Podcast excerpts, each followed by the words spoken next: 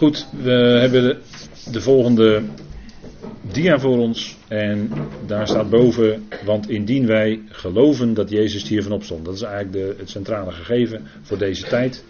Ieder lid van het lichaam van Christus kent dat geloof. Hè, dat echte geloof van binnen in het hart.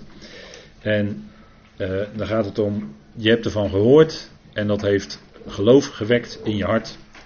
En natuurlijk weten wij dat het Gods werk is door zijn geest. Dat weten wij hè, uit de schrift.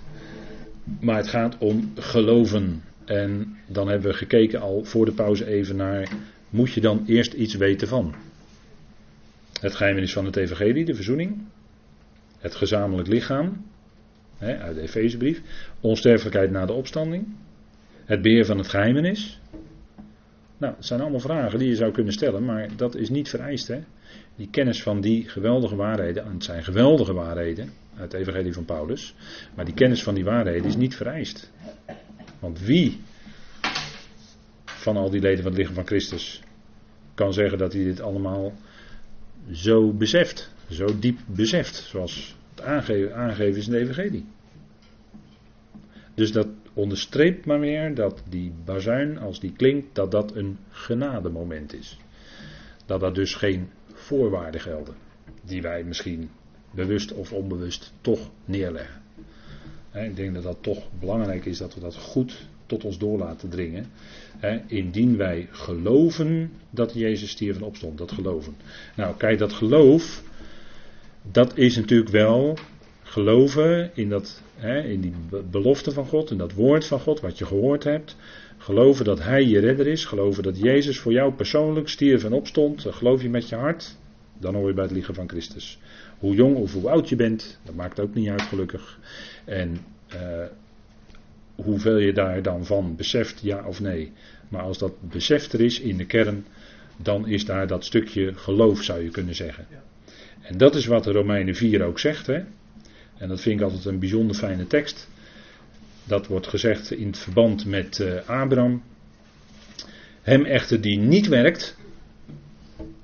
Dat sluit dus alle voorwaarden uit, gelijk. Hè? Hem echter die niet werkt, maar gelooft in hem die de goddeloze rechtvaardigt, wordt zijn geloof gerekend tot gerechtigheid. Kijk, dat, daar, daar draait het om. Hè? Dat was bij Abraham al zo, dat principe. Dat was bij Abraham al zo. En dat is bij ons precies eender. Abraham geloofde God en het werd hem tot gerechtigheid gerekend. He, staat er zo mooi in Genesis 15. Prachtig hoofdstuk. Echt, ik, vind, ik ben er altijd door geboeid. Elke keer als ik het lees, dan ben ik er door geboeid. Dat is toch iets geweldigs. Hè? Iemand die God gelooft. En er wordt hem tot gerechtigheid gerekend. Totale afwezigheid van welke vorm van werken dan ook, hè, in Genesis 15. Totaal afwezig. Abraham hoort God. Hij hoort JW spreken. Hij gelooft het en het wordt hem tot gerechtigheid gerekend. That's all. En dat is geen werk. Want dat zegt Paulus hier. Hem echter die niet werkt, maar gelooft. Dat is het evangelie, dat is genade. In hem die de goddeloze rechtvaardigt, wordt zijn geloof gerekend tot, uh, tot gerechtigheid. Je kunt jezelf helemaal niet rechtvaardigen, dat, dat doet God. Die verklaart jou rechtvaardig. Je kunt jezelf niet rechtvaardig maken of jezelf niet tot rechtvaardigheid bekeren of zo. Dat niet. Nee, God rechtvaardigt. Dat is degene die dat doet. Hij verklaart jou rechtvaardig. Op grond van zijn geloof, hè? eerst met de hoofdletter. Het geloof van Jezus Christus uiteraard. En geloof wordt gerekend tot gerechtigheid. Bij de individuele gelovigen. Nou, dat is wat God ons geeft. Hè? Efeze 2 kunnen we daar nog eens aan toevoegen. Want in genade zijn jullie geredden. En genade is ons leefklimaat. Hè? In genade, dat is dus ons leefklimaat.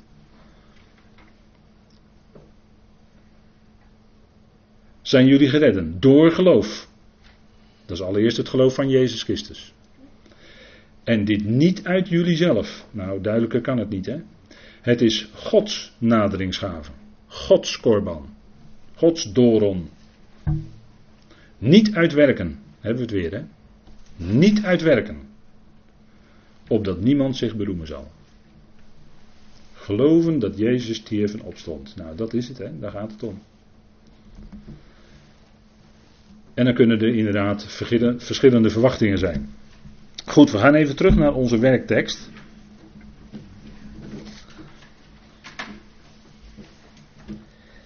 En dan zijn we onderaan bladzijde 2, de laatste alinea.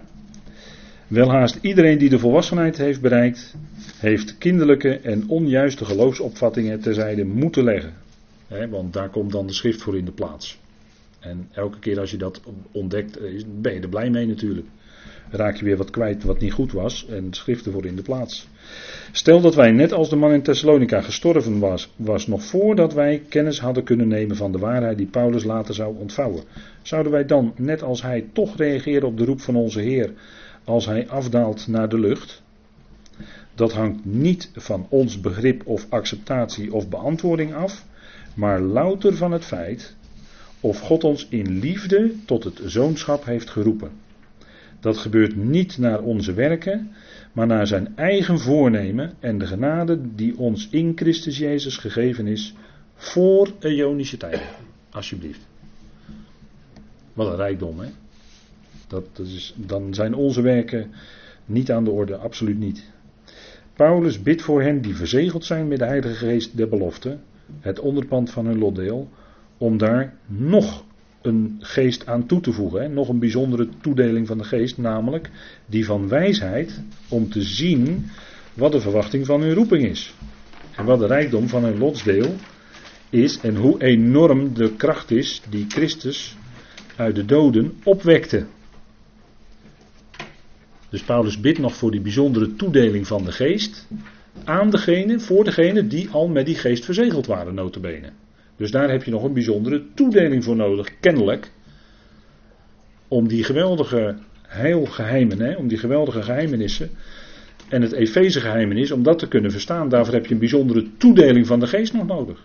Ook al ben je verzegeld. En iedere gelovige van het lichaam van Christus is verzegeld met de geest van de belofte. De heilige. Iedere gelovige. Maar als Paulus bidt voor de gelovigen dat ze ook een bijzondere toedeling mogen krijgen, de geest van wijsheid en onthulling in de erkenning van Hem, dan wil dat zeggen dat dat dus iets bijzonders nog door God gegeven moet worden, zodat je als gelovige, en dan ben je gewoon lid van het lichaam van Christus, die diepere en die grotere waarheden van de Efezebrief gaat leren kennen, die geheimenissen.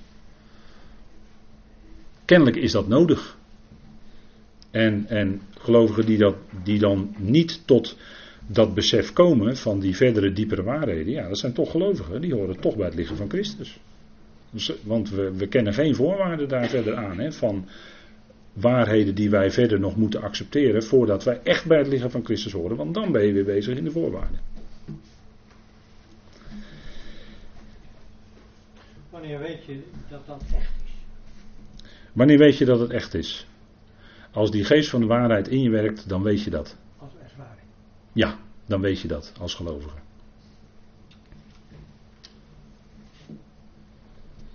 Klaarblijkelijk misten zij deze gaven nog en brachten de geest der belofte, het onderpand van hun lotdeel, geen kennis van de hogere waarheden voor vandaag met zich mee. Toch doet dat niets af aan onze voorverwachting.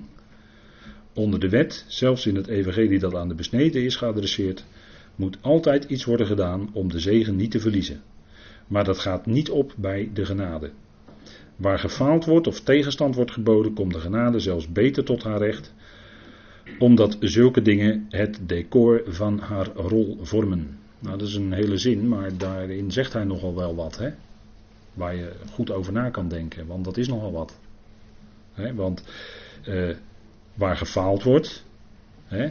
waar we tekortschieten, of waar tegenstand geboden wordt, daar komt de genade zelfs beter tot haar recht. Dat is toch wel een bijzonder, hè? Dat is wel goed om over na te denken. Om zulk, omdat zulke dingen het decor voor haar rol, hè, die rol van de genade, vormen. Hè, dat is denk ik, moet u maar eens goed over nadenken, deze zin. Want dat, dat, daarin zegt hij nogal wat. En denk erom dat broeder nog in zijn leven heel wat tegenstand heeft ondervonden hoor. Denk erom. Dat was niet kinderachtig, dat was niet misselijk. En dat is steeds zo, als je echt Paulus wil volgen, dan ga je op een gegeven moment, vroeg of laat, ga je tegenstand krijgen. Dat kan niet anders. Dat is altijd zo. Dat openbaart de schrift. En dat laat de levens van gelovigen zien. Dat is altijd. Maar dat is juist weer het decor waar, waar op die genade des te beter tot uitdrukking komt. De doden het laatst, de doden het eerst. Er bestaat een frappant verschil tussen het lot van de doden in Israëls opstanding en de onze. Het gaat om die volgorde. Hè? Dit kan ons helpen in te zien hoe overvloeiend onze genade is. De namen van Israëls vaderen staan geschreven in het boek des levens en behoren om hun werken tot de wolk van getuigen, waarvan in Hebreeën 11 gesproken wordt. Dat laten we even liggen hoor, dit. Toch worden zij niet onmiddellijk na het aanbreken van het koninkrijk uit de dood opgewekt. Op dat moment hebben de levenden voorrang. Dus degenen die leven als de Heer zijn voeten zet op de olijfberg, die gaan het eerst het koninkrijk in, want die gaan dan de koning volgen. En waar de koning is, daar is het koninkrijk. Op aarde. Dan.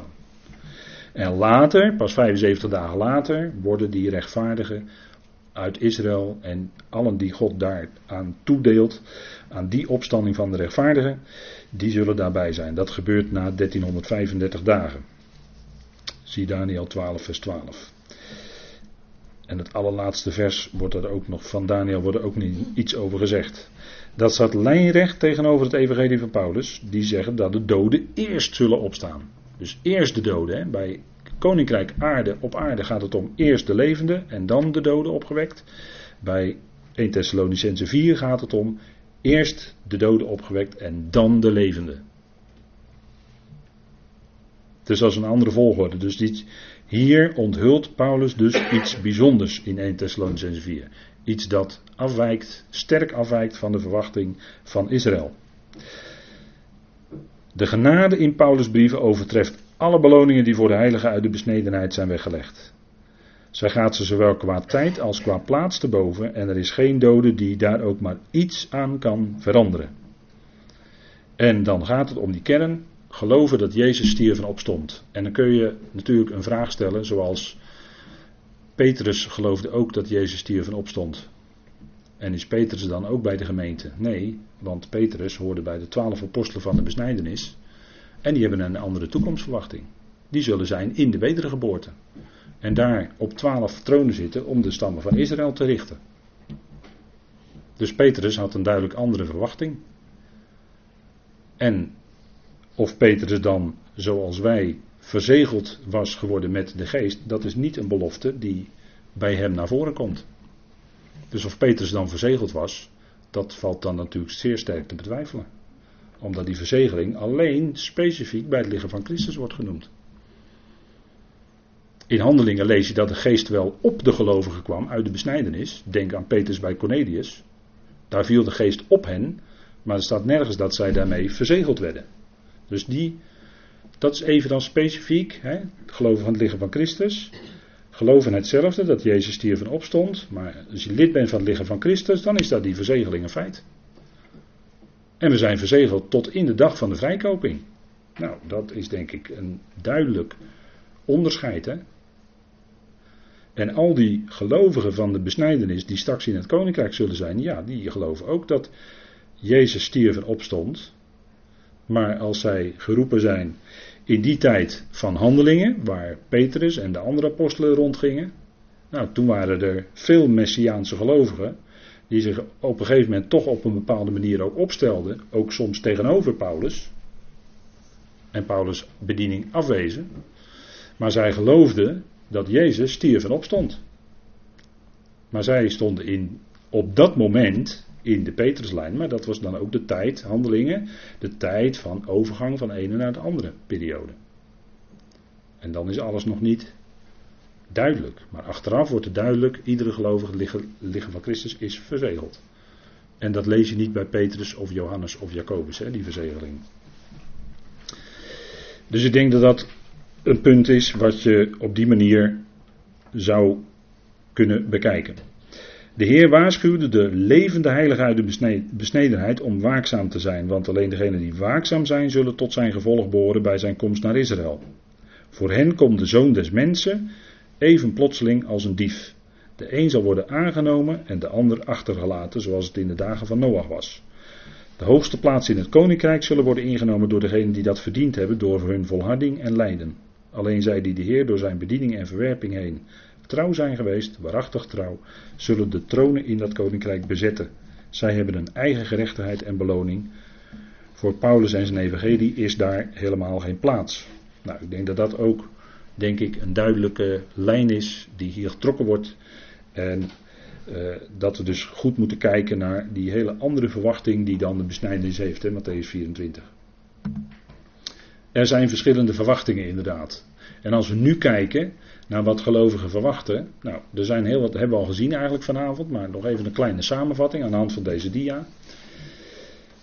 Op aarde, er zijn gelovigen die verwachten dat zij door de grote verdrukking heen gaan en op aarde blijven. En, waar, of, en er zijn gelovigen die zeggen wij worden inderdaad naar, met de bazuin worden wij weggenomen van de aarde. Maar wij komen later weer terug op aarde. En zullen alsnog met Israël koning en priester zijn. Die heb je ook. Dat is ook een verwachting. En er zijn gelovigen die verwachten met de bazuin van God de Heer te ontmoeten in de lucht. En daarna naar Efeze 2 de midden van de hemelingen te zijn, om daar die bediening waar Efeze het over heeft te gaan vervullen. En wat gaat de Heer nu vervullen? We hebben het al over gehad, hè? Wat gaat de Heer nu vervullen? Gaat de Heer al die verwachtingen vervullen? Dat kan toch niet? Dan zou één groep van het lichaam van Christus later weer terugkomen op aarde. Eén groep zou achterblijven op aarde. En één groep zou de Heer tegemoet gaan in de lucht en, en in de hemel blijven. Dus kan het lichaam van Christus toch niet in drie groepen splitsen? Dat zal de Heer toch niet doen? Het is toch één lichaam, dat is toch een eenheid.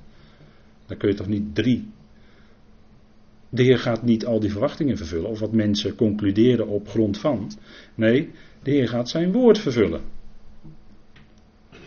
En de lijn die in de brieven van Paulus naar voren komt, die heeft u in de loop van de jaren verschillende keren aangereikt gekregen.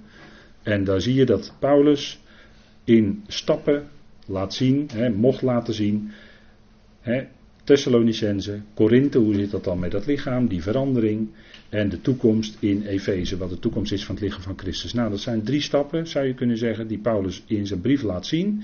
En dat is dan ook de richting van het lichaam van Christus. Ons domein is in de hemelen. Ons domein behoort de hemelen toe, als ik het wat scherper zeg, op het Griekse woord.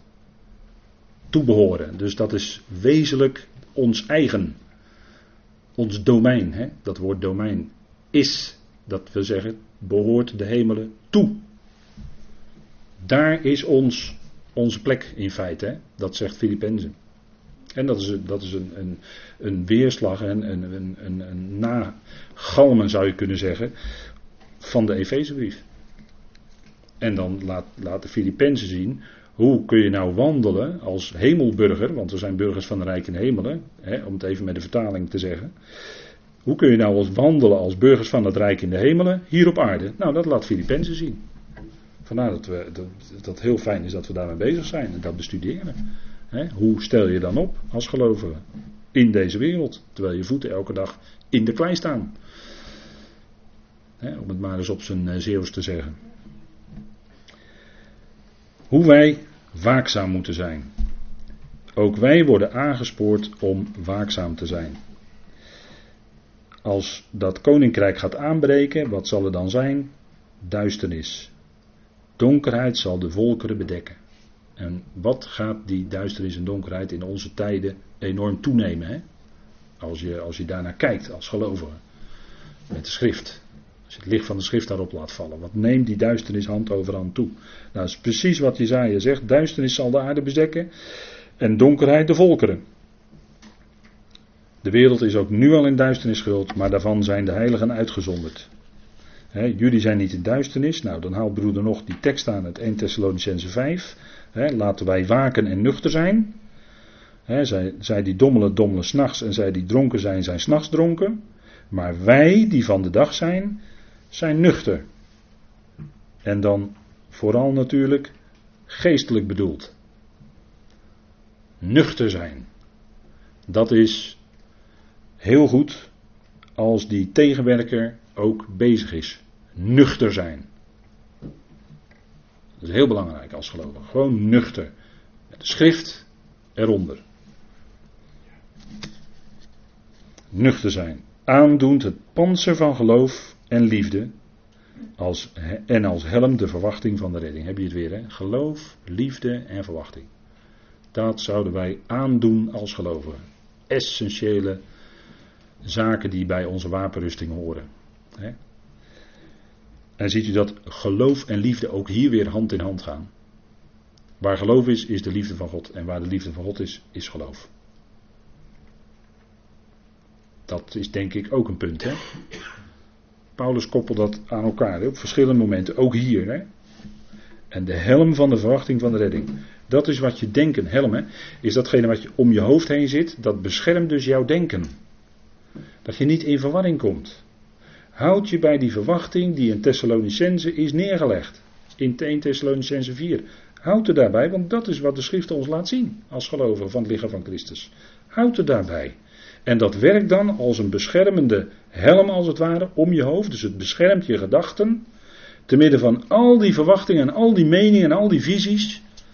En heel vaak zie je dan op een gegeven moment toch de redenering komen. De menselijke redenering, hoe goed bedoeld ook.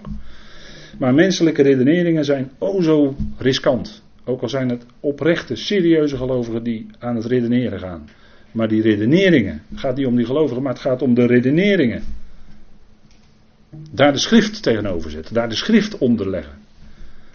dat, dat is altijd heel erg belangrijk. Wat zegt God? Wat zijn de uitspraken? Wat staat er werkelijk? dat, dat, is, eh, dat is als je met elkaar praat. bij de koffie, bij wijze van spreken, dan, dan gaat het gesprek o zo snel over de Bijbel. Ja, er staat dit en er staat dat en dan wordt de halve teksten geciteerd en dan gaat men erover praten. Ja, vind je het gek dat je dan snel oneenigheid krijgt? Maar je kan ook gewoon die Bijbel die in je boekenkast staat misschien erbij pakken, open doen en kijken wat er staat. Dan ben je al een heel stuk uh, dichter bij huis. Hè? Kan je ook doen. Ja, dat is. Maar goed, dat, eh, daar, daar proberen we steeds de vinger bij te leggen. De toe-eigening, wij zijn niet gesteld tot verontwaardiging. Hè? God plaatste ons niet tot verontwaardiging, maar tot toe-eigening van redding door onze Heer Jezus Christus. Ook al ben je geestelijk gezien misschien in slaap gesukkeld als de bazuin klinkt. Maar dat is niet, de, hè, het is niet feit dat je geestelijk wakker moet zijn als voorwaarde. Niet eens dat. Maar de dood van Christus, dat is, dat is het, de grond. Hè? Dat is de grond. Die voor ons stierf, zegt Paulus. Hè? Door onze Heer Jezus Christus, dat is de redding, die voor ons stierf. Dat is de grond. Dat is de basis. Opdat wij, het zij wij waken, het zij wij dommelen. we zijn misschien in slaap gedommeld, moe, geestelijk gezien misschien wel. Maar dan toch, als die bazuin klinkt, zullen wij erbij zijn. Gelijktijdig samen met hem leven. En let op dat gelijktijdig tezamen, dat had hij ook geschreven in het vierde hoofdstuk, dat Hama Sun.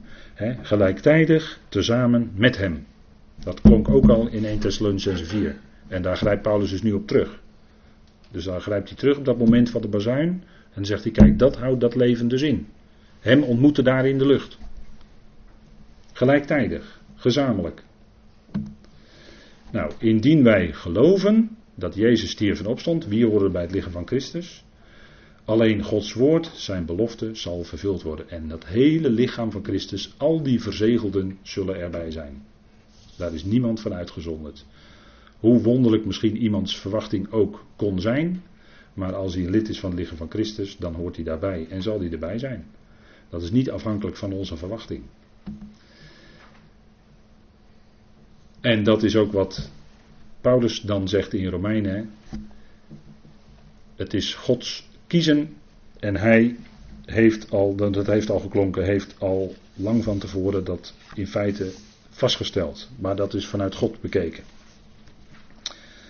En in onze ervaring is dat, uh, levert dat soms moeilijkheden op, maar vanuit God gezien ligt natuurlijk van tevoren al vast die bij dat lichaam van Christus zouden horen. Al van voor de tijden zelfs, hè? voor de eonen. En dan is het eigenlijk heel eenvoudig, heel eenvoudig. Het is eigenlijk met één zinnetje dus samen te vatten, dat 14e vers, indien wij geloven dat Jezus stierf en opstond. En ieder die dat gelooft, is daar dan bij. Ieder die in deze periode van genade wordt geroepen, is daarbij, is verzegeld. Ook al weet die gelover misschien niet, niets van de verzegeling af, of al heeft hij een hele andere verwachting. Het criterium is niet. Al die dingen, dat hebben we vanavond denk ik gezien met elkaar. Het punt is wat Paulus, en dan zie je dus dat eigenlijk de dingen waar wij soms mee zitten, van hoe zit dat nou, en hoort die er dan wel bij of hoort die er dan niet bij, eigenlijk kun je dat nooit ook van elkaar zeggen als je elkaar tegenkomt. of over elkaar zeggen. Van uh, volgens mij hoort die er niet bij, of horen, horen die en die er niet bij. Dat kun je niet over elkaar zeggen. Want dat is toch helemaal onze zaak niet. Dat is onze zaak, dat is, dat is, dat is iets wat de Heer vaststelt. Hij kent toch het beste, denk ik, de, al die leden van zijn eigen lichaam. Als één het weet, is de Heer het. En die stelt dat vast. En dat brengt je gelijk in een stuk ontspannenheid, denk ik. Als je dat beseft, nou, dan ga je uit van, oké, medegelovigen, heel fijn, dan trek je met elkaar op in het lichaam van Christus. Geloof je ook dat Jezus echt jouw redder is? Heel fijn, lid van het lichaam van Christus. En trek je met elkaar op. En natuurlijk kun je zeggen, ja, maar er is zoveel verdeeldheid. Ja, dat is allemaal in het vlees. Maar de eenheid van de geest, die is er. En daar zouden we ons naar uitstrekken en beijveren die eenheid te bewaren. Maar de eenheid van de geest is er met al die gelovigen. Nou, die bewaren, daarop uit zijn, hè, die band van de vrede. En, en dat is voor ons een van de eerste dingen die Paulus zegt dan in Efeze 4 over de wandel, is die ootmoedige gezindheid. Daar, aan de hand van de Filippenzen word je daar dan erg bij bepaald. Het, het, het eerste is wat Paulus schrijft in Efeze als het gaat om onze wandel. Onze ootmoedige gezindheid. Nou, en als we zien hoeveel geluiden er zijn dan zou dat ons ootmoedig maken. En diep dankbaar naar God toe. Dat, dat we een rijkdom aan, aan, aan, aan geweldige dingen uit het Evangelie van Paulus mogen kennen. Maar ook dat is genade. Ook dat is niet wat, wat we, hè, omdat wij nou beter, uh, kom nou, beter dan anderen, kom nou. Nee, ootmoedige gezindheid, dat, dat is waar Paulus ons steeds op wijst. Waar je steeds bij terugkomt. Van Heer, hoe zit dat dan bij mij? Hoe heb ik me dan opgesteld in het verleden? Of hè, dat kun je dan afvragen in het licht van die uitspraken. Nou, dat is voor ons besef. Hè? Genade. En daar wil ik dan mee afsluiten. Wie? Wie horen bij het lichaam van Christus? Allen die God tevoren uitkoos in Christus. Voor de nederwerping van de wereld. En als we om ons heen kijken, dan zeggen we nou, allen die dat oprecht geloven, die hebben zijn geest ontvangen en horen daarbij. Dat Jezus stierf en opstond. Dat is het punt hè, wat Paulus dan neerlegt, juist in 1 Thessalonicense 4. En ik denk dat dat een, een, echt een wezenlijk punt is. hij, hij, zegt het in hetzelfde gedeelte als waar hij spreekt over de bazuin, over die toekomstverwachting. waar wij dan als gelovigen steeds over debatteren wie daar dan wel of niet bij zullen zijn. Ik denk dat dat debat, ja, als je het in de licht van de schrift, is het eigenlijk niet zo moeilijk. Maar wordt het uiteindelijk toch weer eenvoudig. net zoals het einddoel van God. in de pauze even een gesprekje erover. Maar als je het einddoel van God. God formuleert dat in zo'n eenvoudige zin. God zal zijn alles in allen. Dat is het grote einddoel van God. Dat is zo'n eenvoudige zin om te lezen. En er zit zoveel achter, zoveel diepte. Maar God zet dat dan in, in zo'n eenvoudige bewoordingen, zet hij dat neer. En, en dat doet hij kennelijk ook met hoe het er dan zit in onze tijd. Indien wij geloven dat Jezus stierf en opstond. En dat geeft antwoord. Dat geeft antwoord. En daar kun je dan alleen maar blij en dankbaar mee zijn. Ja? Goed, ik wil het hierbij laten. Tot zover voor vanavond.